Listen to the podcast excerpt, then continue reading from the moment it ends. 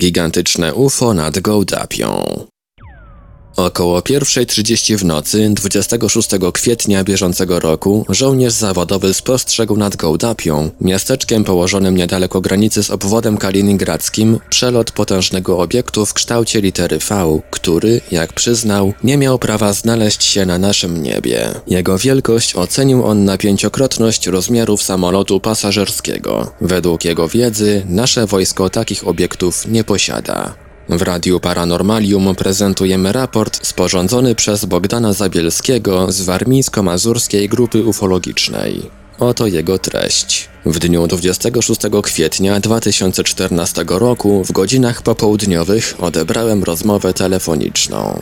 Mój rozmówca już na wstępie zastrzegł, że nie dzwoni do mnie w celu popełnienia kawału. Nie dało się też nie zauważyć emocji towarzyszących wypowiedzi. Określił siebie jako człowieka twardo stąpającego po ziemi, bez uprzedzeń, ale też bez, jak sam wspominał, wiary w jakieś niewyjaśnione zjawiska. Z racji swojego zawodu, wojskowy, trzeźwo i sceptycznie patrzy on na wszelkie tego typu rzeczy. Lecz to, co zobaczył na własne oczy poprzedniej nocy, wywróciło zupełnie jego poglądy. Otóż, gdy wracał z późnego spaceru, około 1.30 w nocy z 25 na 26 kwietnia 2014 roku, przypadkowym rzutem oka spostrzegł obiekt, który poruszał się po niebie. Miał on kształt trójkąta ze ściętym jednym z wierzchołków. Trójkąt tworzyły trzy podłużne belki, dwie dłuższe i jedna krótsza.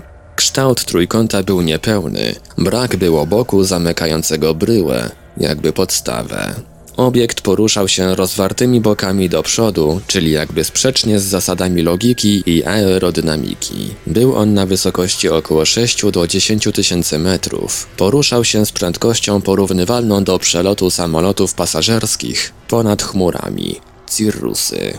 Dane te z łatwością ustalił, mając w pamięci przebyte szkolenia z racji wykonywanego zawodu. Wielkość trójkąta ocenił na około 5 wielkości rejsowego samolotu pasażerskiego.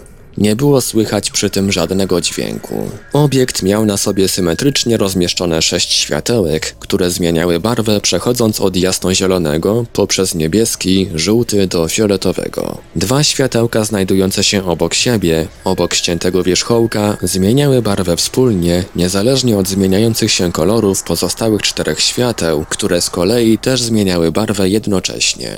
Wyglądały tak, jakby tworzyły drugą sekcję sekwencji zmiany koloru. Pozostałe kontury obiektu były czarne. Obiekt nie pozostawiał za sobą żadnej smugi. Świadek dokładnie pamięta, że swoimi gabarytami przesłaniał widoczne ponad nim gwiazdy. Jednak największe poirytowanie świadka wzbudziło to, jak to możliwe, żeby takie coś latało po naszym niebie. To przecież nie ma prawa latać, przyznał. W czasie, gdy zastanawiał się nad tym, czym może być obiekt, ten przemieszczał się jednostajnie i prostoliniowo, dokładnie z północy na południe. Po około 2,5 minutach obserwacji, z czego ponad minutę w sposób bardzo wyraźny, obiekt oddalił się i zniknął za linią horyzontu. Po powrocie do domu świadek nie podzielił się jednak z nikim swoimi wrażeniami. Nie uczynił tego też do dzisiaj. Jest na etapie, jak sam mówi, wahania się, czy komukolwiek z otoczenia mógłby zaufać na tyle, żeby opowiedzieć swoją przygodę. Zdarzenie miało miejsce nad centrum małego miasteczka Gołdap, tuż obok granicy z Rosją, około dwóch kilometrów,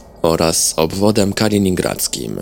Obserwacji dokonano z centrum miasta, z Placu Zwycięstwa. W tym miejscu należy dodać, że w tym rejonie w poprzednich latach miało miejsce kilka obserwacji nieznanych obiektów. Z ciekawszych można wymienić obserwacje przez Straż Graniczną latającej choinki w Rudziszkach w 1994 roku, przelot grupy kilkunastu obiektów z nad obwodu kaliningradzkiego w 1995 roku, domniemaną katastrofę nieznanego obiektu na poligonie w Węgorzewie w 1997 roku, zbiorową obserwację latającego trójkąta nad centrum Bartoszyc w 2003 roku oraz obserwację latającej litery M nad Kowalami Oleckimi w 2009 roku. Ciekawym spostrzeżeniem świadka było to, że cała obserwacja przebiegała w zupełnej ciszy i spokoju, gdzie w weekendowy wieczór w małym miasteczku nie jest to zwyczajne. Nie było dosłownie niczego słychać, a sam świadek pamięta siebie w momencie obserwacji jako zupełnie wyłączonego, być może z powodu, jak dodaje, własnych emocji. W dalszej części rozmowy świadek w pewien sposób otworzył się, przyznając, że Cytat. Może zabrzmi to trochę egoistycznie, ale tak myślę, że to, co zgłosiłem, to tak w sumie dla mnie jest sprawą drugo- czy trzeciorzędną. Nie wiem jak to nazwać, ale ja po prostu jestem szczęśliwy, że byłem w stanie coś takiego zaobserwować. Coś, co mi naprawdę niesamowicie głowę otworzyło. Mam z tego powodu satysfakcję, jestem zadowolony.